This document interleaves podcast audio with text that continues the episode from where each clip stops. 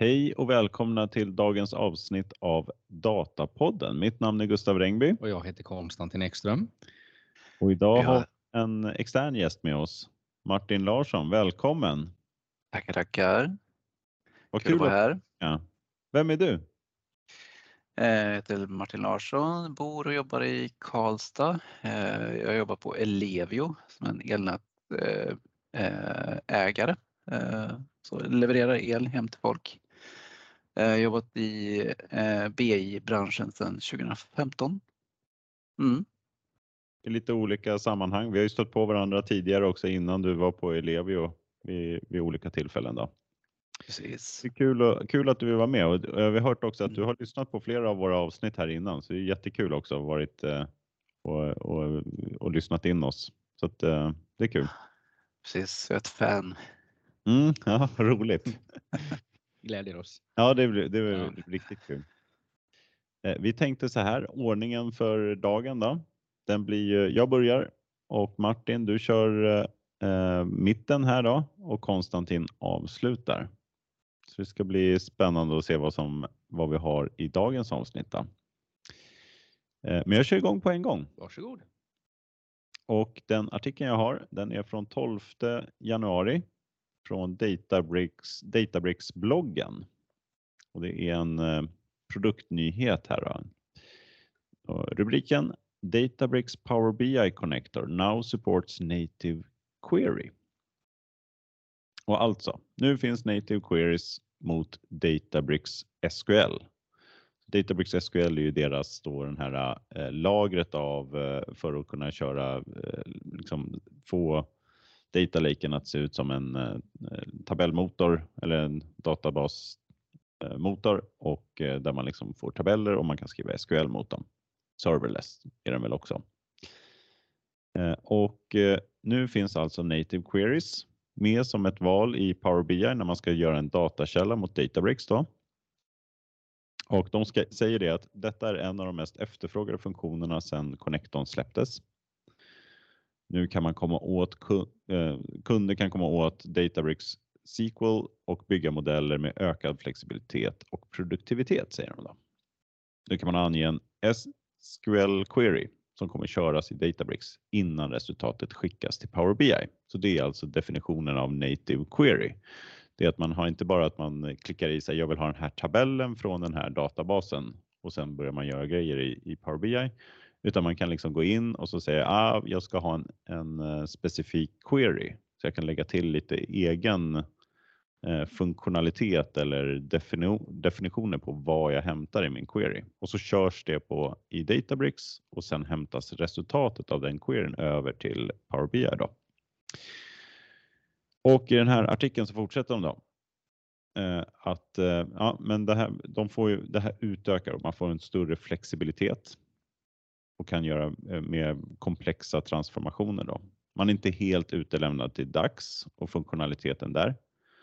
Utan man kan, eh, eh, ja, man kan då trycka ner kolumndefinitioner i lagret under. Alltså Databricks.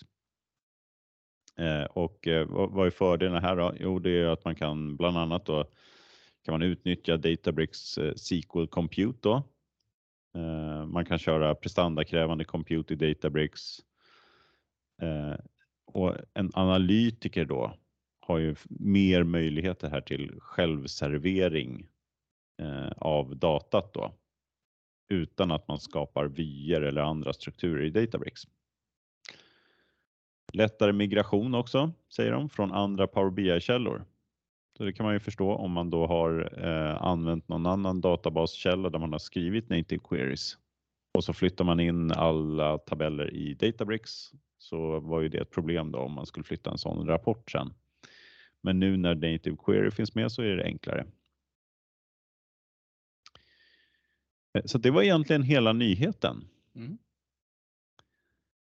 Har, eh, är ni glada över det här?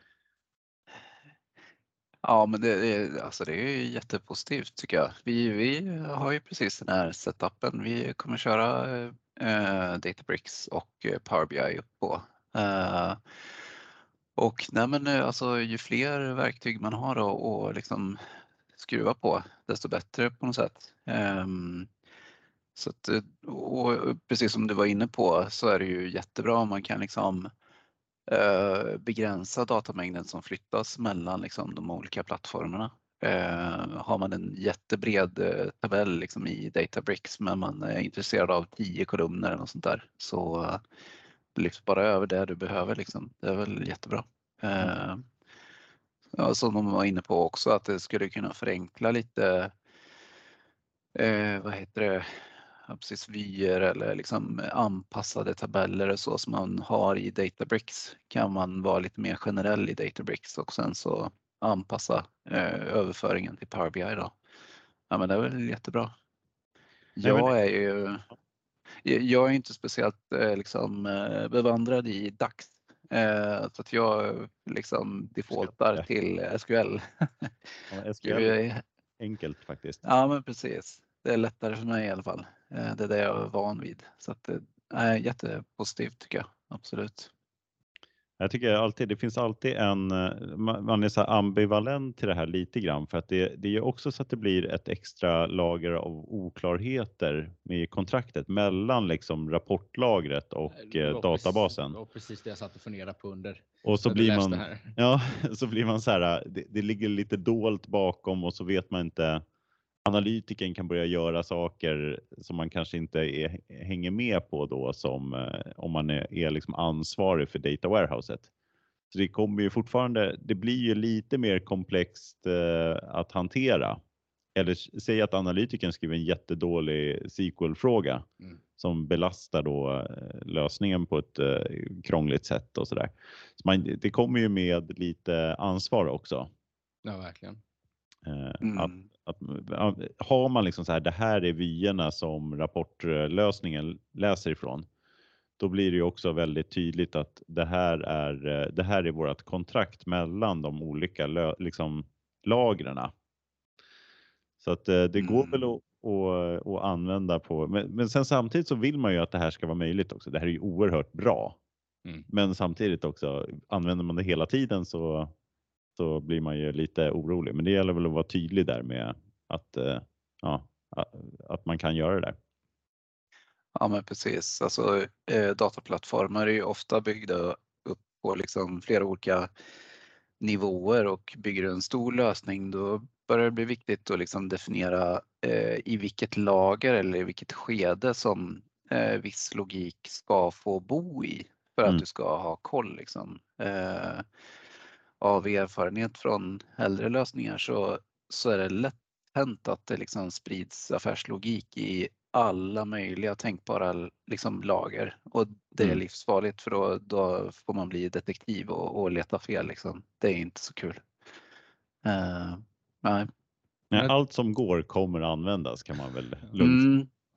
Men man kan också tänka sig att det går lite snabbare att bara få upp någonting om man vill testa lite grann. Ja. Um, innan man sätter sig ner och ja, men, hur ska vi liksom permanenta detta på något bra sätt? Mm. Eh, att det skulle gå lite enklare att, att få in det snabbt då. Ja, ja precis. Mm. Nej, nej, man ska inte vara för eh, eh, gnällig om det här för att det är ju positivt. Ja, det är positivt, men, men eh, som, som, du sa, det kommer ansvar också. Ja, precis. Mm. Ja, finns det några till, tillfällen då man inte skulle tillåta native queries överhuvudtaget? Något tillfälle man inte skulle tillåta det överhuvudtaget. Ja, det känns, för det är ju självklart att man tillåter native queries nästan. Mm. Men frågan är, är det något tillfälle då man inte skulle låta sina eh, analytiker sitta där och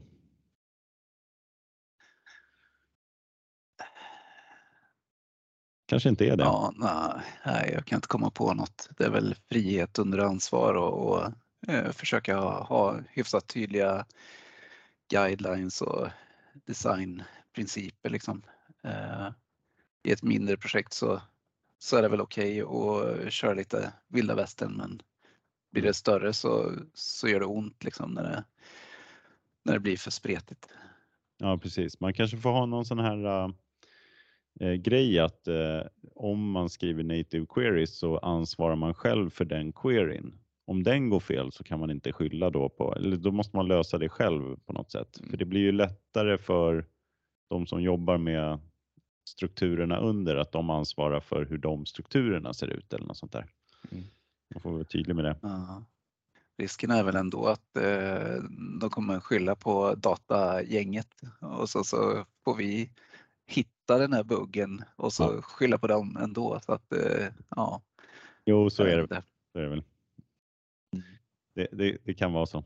Det är helt sant. Ja, vi ska väl inte haka upp oss på den här uh, native queries. Vi går väl vidare här. Vi kan också säga att det, det är positivt. ja, men det är ju bra. Ja, är men det. Eh, man ser ändå också problemen som kommer. Men de är ju trevliga problem, för det handlar ju om att det är någon som an kan använda datat mm. mer också. Mm. Så det är ju bra. Men det blir mer komplext också. Ja, men precis. Jag tycker att det är liksom generellt positivt att det liksom sker utveckling. Att Microsoft och Power BI plattformen eh, ser att eh, Databricks är en populär plattform, att det mm. liksom eh, kommer nyheter och så. Så det är jättebra. Att ja, det, det, ska vara så enkelt som möjligt och använda verktygen tillsammans. Liksom. Mm. det är bra. Jag tror till och med att när man slår på native queries i Power BI, då får man väl en sån här eh, någon typ av eh, varning. Nu slår du på native queries det kan vara en eh, liksom, säkerhetsrisk och det kan eh, vara si och så. Jag tror de har lagt in en sån liten, eh, att det är under ansvar lite grann. Faktiskt. Ska vi gå vidare? Mm.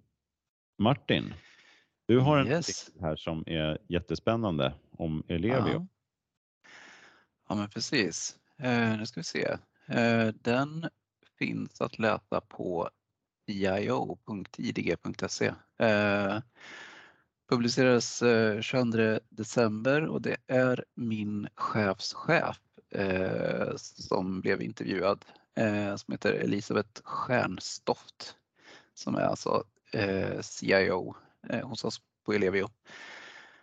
Eh, och stora drag så handlar artikeln om att eh, Ellevios nät eh, håller på att bli smart. Eh, och eh, om man läser artikeln så står det också att det i, idag är det ganska dumt nät. Det är inte så smart. Eh, och det har väl sin Eh, förklaring. Nu, nu är inte jag någon eh, expert på elnät och så. Jag har bara jobbat här sedan i, eh, i maj eh, 2022 så att jag, jag kan väl nästan kalla mig expert på data men inte expert på elnät. Så att, eh, kanske far med lite osanning här och där men ehm, eh, alltså elnätet är ju jättegammalt. Eh, kan inte säga något årtal när man liksom börjar bygga elnät men det är dyrt och, och, och det liksom är ganska statiskt. Det liksom eh, står och tuffar på och eh, då blir det liksom väldigt många olika generationer av prylar som står ute i elnätet. Vissa grejer tycker jag såg eh, är ju från 50-60-talet De står och går jättebra där ute fortfarande. Liksom. Så att det är saker som inte slits så fort. Liksom. Um, men nu har vi i alla fall stora eh, planer på att göra elnätet lite mer smart då. och eh, då är det bland annat den här nätstationer som står ute i eh, landsbygden och i, inne i städerna. Det är liksom sista anhalten innan kabeln eller ledningen går in till liksom alla kunder. Eh, de kallas för nätstationer och de oftast transformera ner strömmen från typ, ja, nu, nu killgissar jag lite här men jag har för mig, jag har någon bild här, eh, från 10 till 20 000 volt ner till 230 volt som går ut till liksom, eh, kunderna. De är faktiskt nästan helt liksom, dumma så är det, blir det något fel på, på en sån nätstation Eh, Eh, och eh, kunderna börjar ringa in och vi börjar se att eh, vi får ingen information från elmätare till exempel. Då har vi det enda verktyget idag det är att skicka ut personal ut i fält och liksom öppna skåp och titta vad som är fel. Liksom. Ehm, de här vill vi då, och de är ungefär 8000 tror jag som är planen idag i alla fall, att liksom installera kommunikationsutrustning i så att de ska kunna börja eh, kommunicera med vår driftcentral och liksom säga själva när det händer saker och liksom kanske på sikt även liksom eh, lite innan eh, det barkar iväg så får man en förvarning om att eh, nu har vi höga temperaturer eller nu svajar spänningen väldigt här eller någonting sånt där.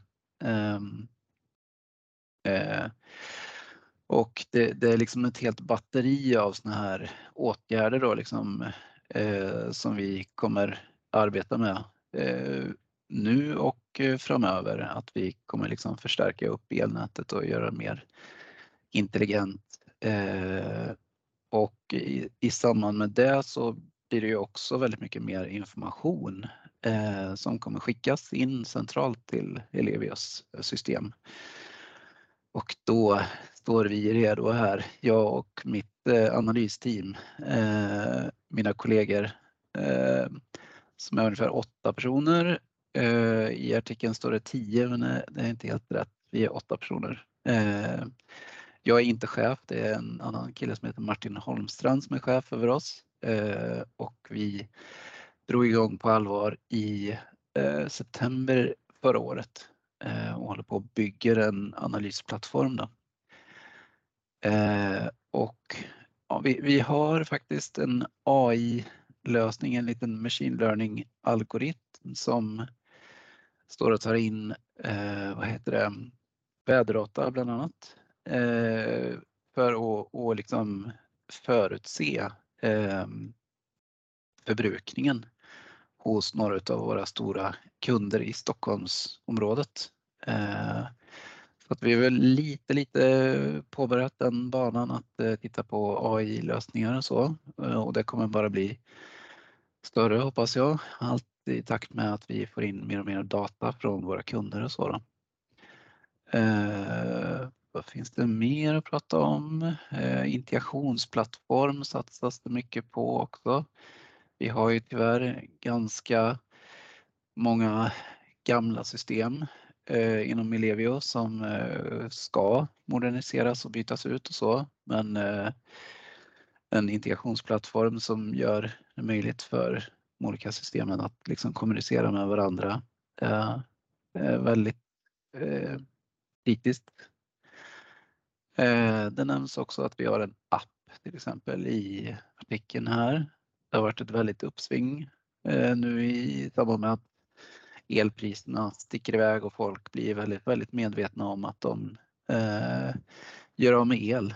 Eh, så det är, det är både eh, positivt och negativt såklart att, att det blir dyrt för folk. Eh, det är ju, vinner ju ingen på. Ehm, och eh, sen så avslutas artikeln här med att eh, säkerhet står i fokus och det kan jag bara skriva under på att eh, nu när vi håller på att bygga vår eh, molnplattform så, så tar vi verkligen inga genvägar där. Det är hängslen och livrem och eh, allt däremellan. Eh, det, det, är, det finns väldigt många eh, rattar att skruva på i, i Azure eh, för att få eh, saker och ting säkert. Eh, man stänger ner väldigt mycket så det blir lite svårt att Eh, utveckla. Men eh, det, så är det. Ehm, det måste vara säkert. Mm. Eh, ja, det var väl artikeln. Sen så skulle jag kunna berätta lite mer om molnplattformen och så, vad vi tänker oss göra. Vad är det för några komponenter sa du? vi använder Databricks och eh, vi kommer ha en, någon form av sån här, eh, vad kallas det, eh, well, lake, lakehouse mm. arkitektur. Mm. Eh, så att det kommer liksom in en väldig massa eh, filer i en eh, sån här blob storage och sen så tar Databricks över och uppe på alltihopa som grädde på moset så kör vi DBT för att transformera Eh, men eh, bygget av den här plattformen har ju tagit ganska mycket mer tid än vad vi hade förväntat oss. Eh, mycket på grund av liksom säkerhetskrav och sånt där. Då. Ehm, man har ju i princip, eller några av mina kollegor i alla fall, har ju blivit tvungna att bli nätverkstekniker eh, och arkitekter och sådär. Eh, vi, vi har inte haft någon sån kompetens på bolaget tidigare så att det är extremt mycket att sätta sig in i. Och väldigt, väldigt många olika komponenter som ska liksom jacka i varandra och kommunicera. Eh, och sen är det ju Power BI som vi tänker oss för att visualisera det här. Machine learning blir väl eh, troligtvis i, i Databricks, liksom Python-kod tror vi. Eh, har vi mer? Vi kommer orkestrera hela kalaset med någon, ett verktyg som heter Prefect. Och sen så siktar vi väl på att börja använda någon datakatalog, troligtvis Data Hub. Det finns väl några alternativ att titta på där också, men ja, så det är liksom listan blir lång på verktyg och produkter man använder när man går upp i molnet. Ja, och DBT nämnde du också, va? Mm. Det missade jag kanske, eller jag vet att du sa det förut i alla fall. Ja, men precis. Mm. Ja, det är spännande. Ja, men vi gillar ju SQL. Nu går det ju att köra Python i DBT också och det kan nog kanske komma till användning om vi kör någon machine learning snurra i Python i DBT kanske. Om det ska produceras en liksom tabell utifrån en machine learning algoritm kanske. Kan vara idé. Vi är inte riktigt där än, men vi är väldigt, väldigt taggade på att börja jobba med DBT. Ja, det ska bli kul. Ja, vad spännande. Man förstår ju när man läser den här artikeln att det här det, ni kommer ju få en massa nya data här misstänker man ju och leka mm. med. Ja, men precis. Och lite anledning till att vi kände att vi var tvungna att gå upp i molnet, det är ju i princip för att vi kommer få så otroligt mycket mer data, datapunkter liksom från alla elmätare och så. Och vi såg väl inte riktigt att det skulle vara möjligt på ja, en on-prem SQL server till exempel. Vi skulle behöva liksom skala upp den ganska rejält då. Det blir ju rätt så dyrt. Det blir dyrt i molnet också, men jag tror att man kommer undan billigare än att köra on-prem. Mm. De nämnde här i artikeln en smart elmätare. Vad är definitionen på det? Vet du det Martin? Ja, om jag killgissar lite så är det väl i princip att den liksom, den har väl tvåvägskommunikation och den kommunicerar mycket oftare än vad gamla elmätare gör. Så att till en början så är det ju, vad heter det, timavlästa värden och det är väl i princip bara för, eh, vad heter det, mm, fakturering eller liksom att, eh, ja, historik på något sätt. Eh, sen elmätaren klarar av mycket tätare liksom och nu börjar vi prata om varje kvart till och med som ska gå ut till liksom, eller ska, ska fångas upp av Eh, Sen till exempel hemma hos mig så har jag liksom installerat en liten pryl som jag stoppar in, ja i princip en nätverkskabel in i min smarta elmätare. Eh, så där får jag ju liksom sekundvärden i princip. Så att den står ju och mäter hela tiden, men sen är det eh, hur ofta den skickar till eh, Ellevio då. Ehm, som är, just nu är det varje timme, men det kommer bli varje kvart då, till exempel. Då blir det mycket data. Vi har ungefär 700,000 kunder med ja, en eller flera anläggningar var då liksom. Så att det är, vi är en av de tre största elnätsägarna då. E.ON, Vattenfall och Ellevio. Och Ellevio producerar ju ingen el utan vi bara levererar. Vattenfall däremot gör båda. E.ON gör också båda tror jag. Så vi är rent elnätsföretag. Liksom. Mm. Satt ju tidigare ihop med Fortum och det minns jag inte riktigt när det var. Kan det vara 10 år sedan eller något sånt där. Delar de på sig. Ja, ja. Mm. Vad, vad, tror du, vad kommer vara de viktigaste utmaningarna för, för elbranschen i allmänhet då, ur ett dataperspektiv här närmsta tiden? Uh, dataperspektiv, det är väl liksom datavolymerna liksom tror jag kommer bli ett, eh, eh, vad heter det, ja men en, en utmaning eh, för att det kommer bli så otroligt mycket liksom. Eh, nej men och eh, moderniseringen av hela elnätet och så, så kommer det nog liksom flöda in otroligt mycket mätvärden från alla delar av elnätet. Ehm, Ovanför nätstationerna så har du fördelningsstationer till exempel. Det är de här stora inhägnade där liksom ser liksom kablarna komma in och sådär. Ehm, eh, de, de, är ju lite smartare än nätstationerna idag men inte så mycket och det tror jag är på grund av bandbredden att man har förlitat sig på eh, gammal teknik eh, tidigare då och nu finns det fiber och allt möjligt så där kommer det komma liksom en liten revolution också i vad vi kan lyssna på och eh, styra i eh, fördelningsstationerna och så. Mm. Mm. Ja, det är ju, man ser ju, vi, vi, ser ju det här i, eh, inte bara elbranschen, men också i manufacturing och alla de här där sensorer eh, finns och har blivit utplacerade på olika håll nu.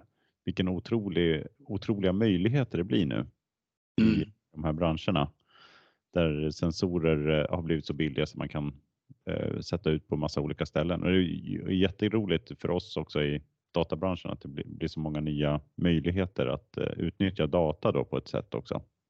Mm. Ja, verkligen. Jag, jag har själv gjort som du och skaffat någon typ av sån här sensor hem också till mitt till fritidshuset. Mm. Inne på Kjell Company och köpte någon sån här Eh, bara en så här termostat och en eh, och liksom som man sätter emellan ett eh, bara ett gammalt liksom eh, element och och liksom ja, mellan pluggkontakten och så kopplar man in mm. den på internet och så får jag liksom hur, vad temperaturen är och så kan den bryta elementet om den ska om det är lagom varmt. Mm. Och jag, jag har inte ändrat någonting i i elen i övrigt. Men jag kan ju fortfarande sänka mina kostnader massa bara av att jag får lite mer information. Det tycker ja, jag är, precis. alltså att, att just datat har så stor betydelse. Mm. Speciellt då i fritidshus eftersom då är jag inte där heller så mycket utan man måste ju bara hålla det tillräckligt varmt för att inte vattnet ska frysa och sådär. Ja, precis. Det är lite samma liknande mm. på, en del elbilar när man har sådana tim mätning att man sätter, man sätter klockslag när bilen ska vara laddad och sen så eh, laddar den när, när det är billigt helt enkelt. Men ja, då se till att den är fulladdad fram till senast det här klockslaget. Ja, ja men precis. Ja.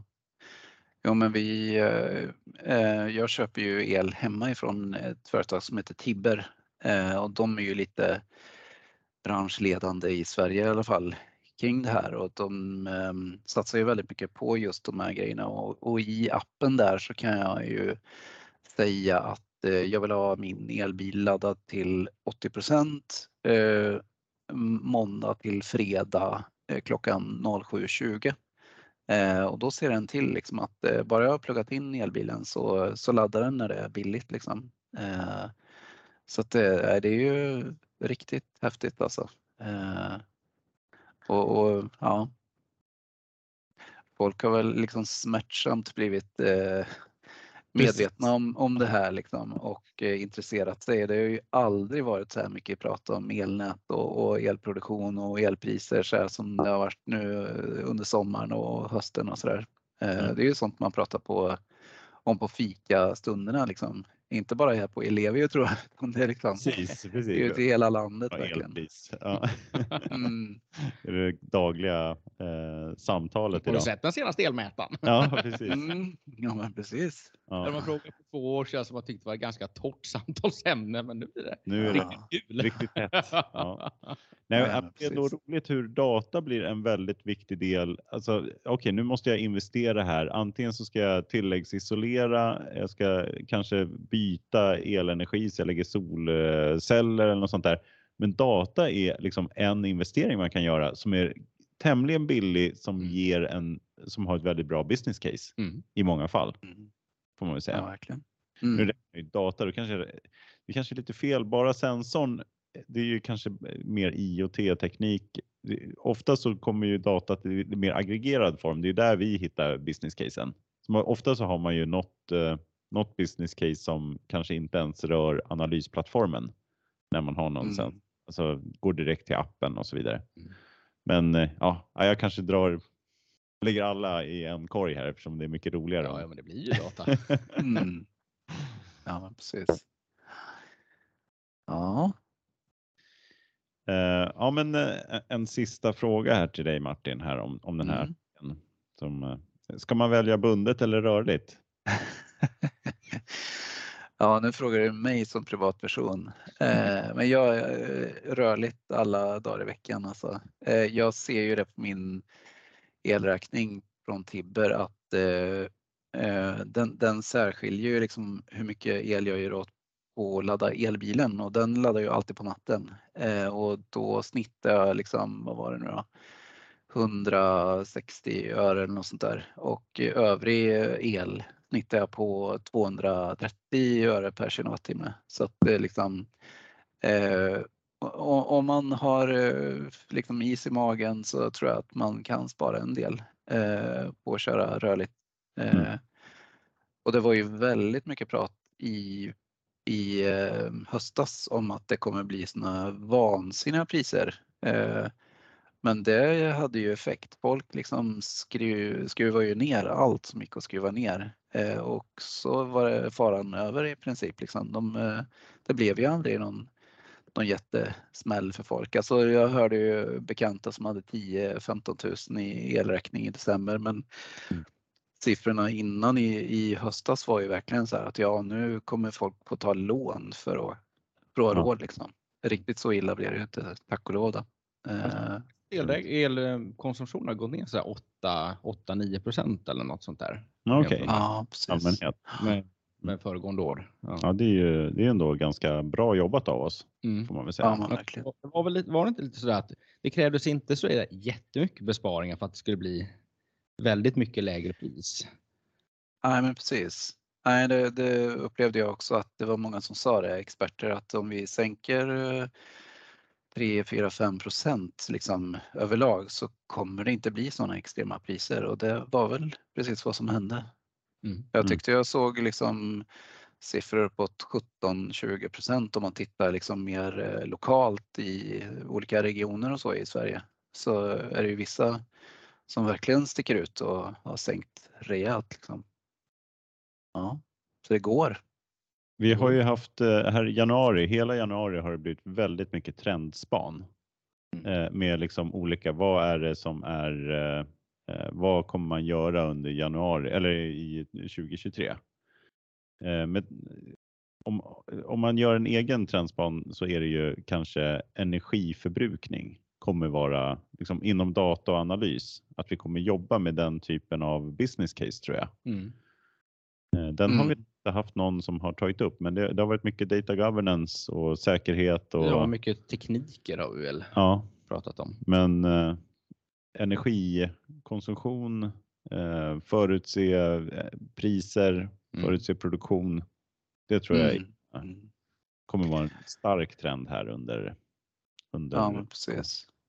Vi har ju ett eh, projekt som är lite pilot, pilotstadiet tror jag eh, i Stockholm som heter Stockholm Flex eh, och där är ju faktiskt liksom att Ellevio har liksom skrivit kontrakt med lite större kunder eh, som då går med på att eh, Ellevio kan liksom be den här kunden att dra ner på förbrukningen och då får man liksom betalt eh, för att liksom styra sin eh, ja, liksom, eh, verksamhet på något sätt. Liksom att eh, man drar ner när det liksom är verkligen kritiskt.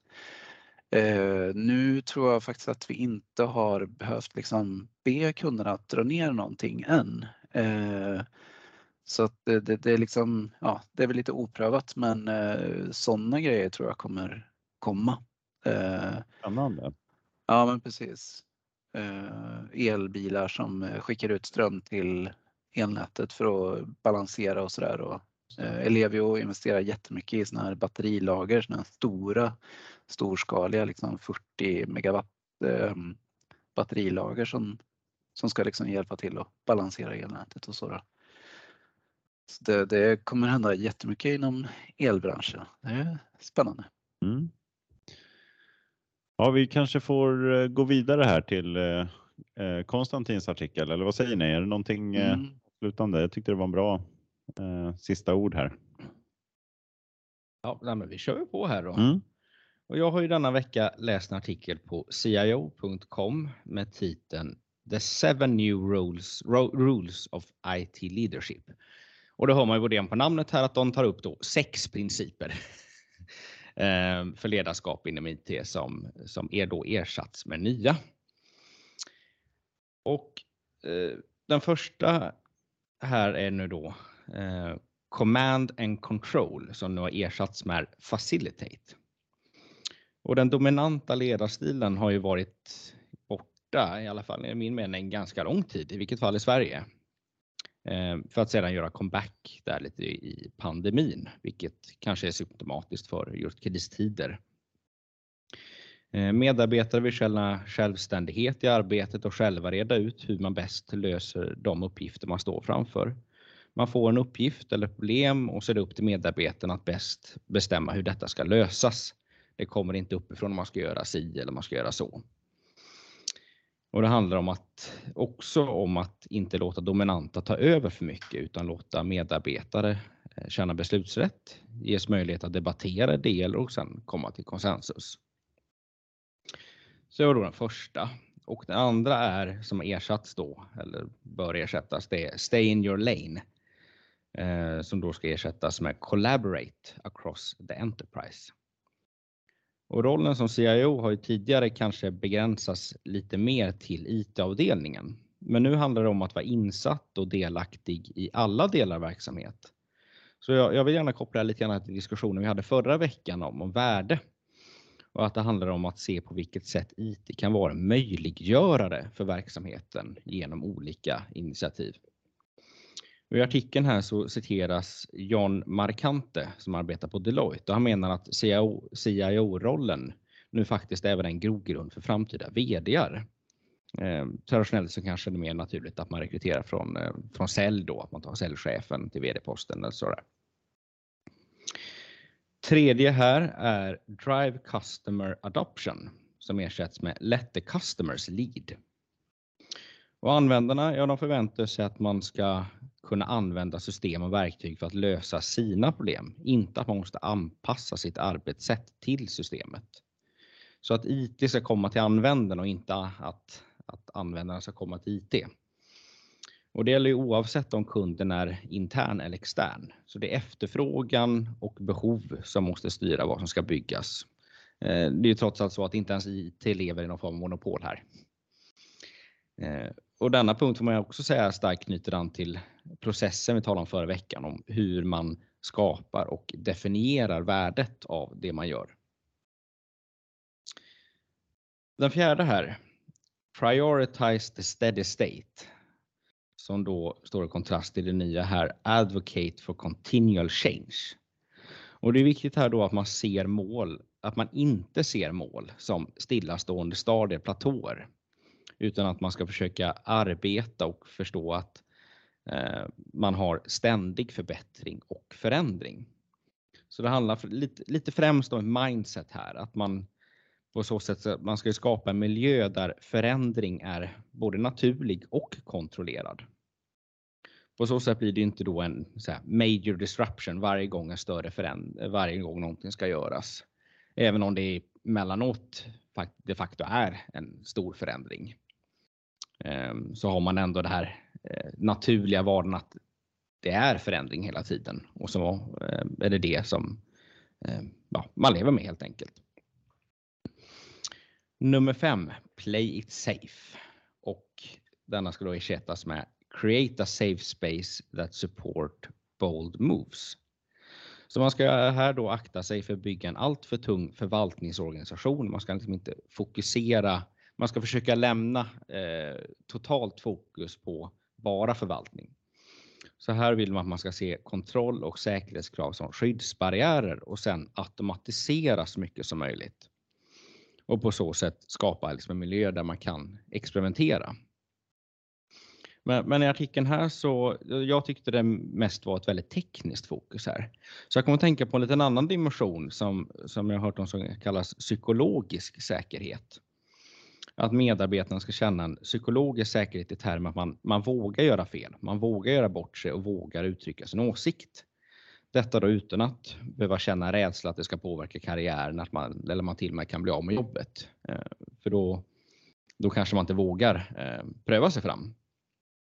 Och detta blir då en förutsättning för att kunna främja innovation då helt enkelt. Sen den sista. Eh, compel productivity som ska ersättas med inspire staff to produce. Och här förs lite grann en trend som, som gäller generellt för ledare, att man inte ska se på anställda som någon form av mänskliga maskiner utan man lägger fokus på välmående och trivsel.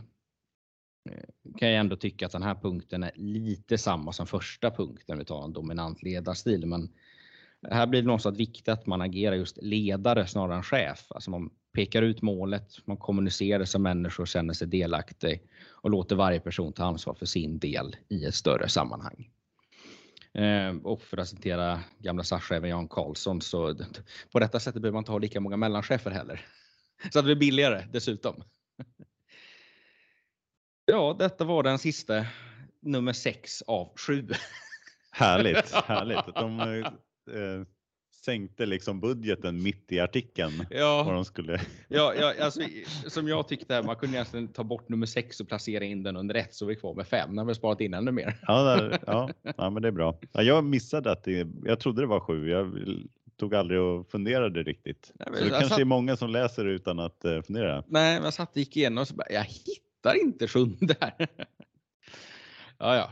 Man undrar om det kanske är så att hela artikeln är någon slags här, eh, jobbannons. De väntar sig att det är någon eh, som är väldigt så här, eh, som går in och läser i detalj. Ja.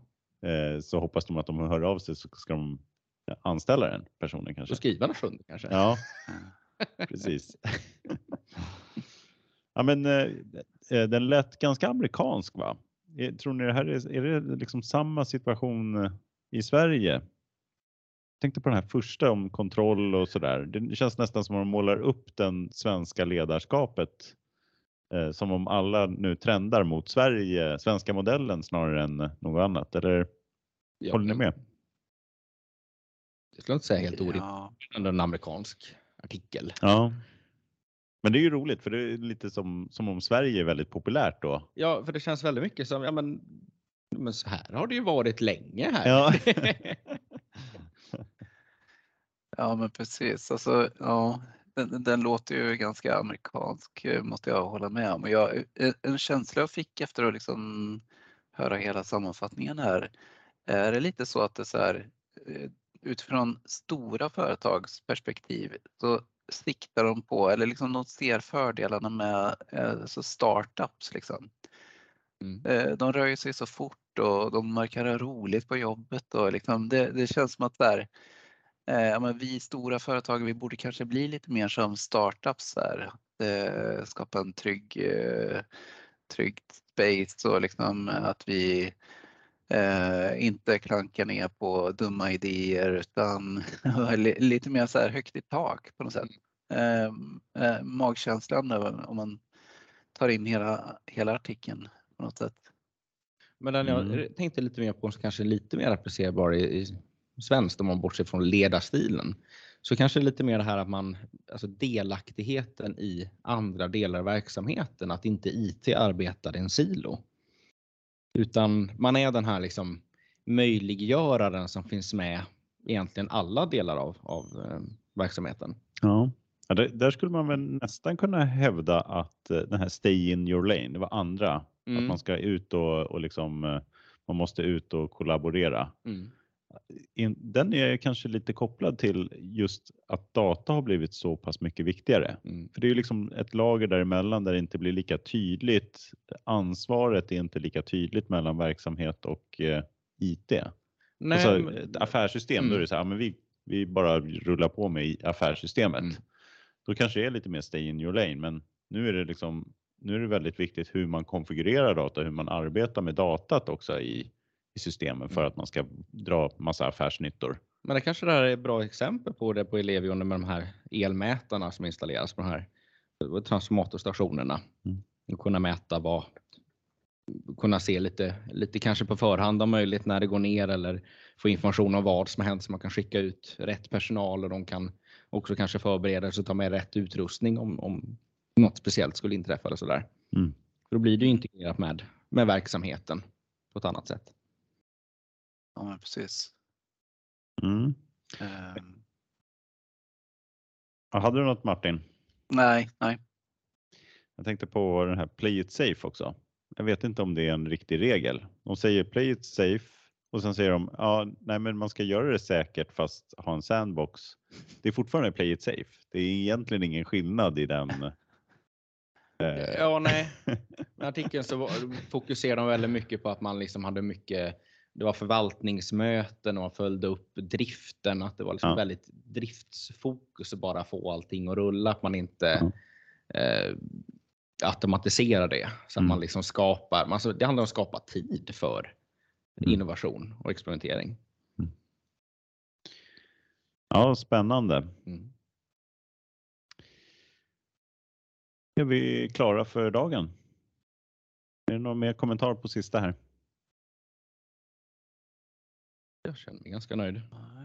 Mm. Ja, det var intressant. Rörligt var väl det viktigaste att komma fram till här tycker ja. jag. Rörligt eh, elavtal. Just det. Ja, men precis. Tack så jättemycket Martin för att du ställde upp här och, och var med på eh, veckans avsnitt. Tack så mycket. Ja, men tack för att jag fick vara med. Vi tar och avslutar här och säger hej då. Hej då. Hej då. Hej då.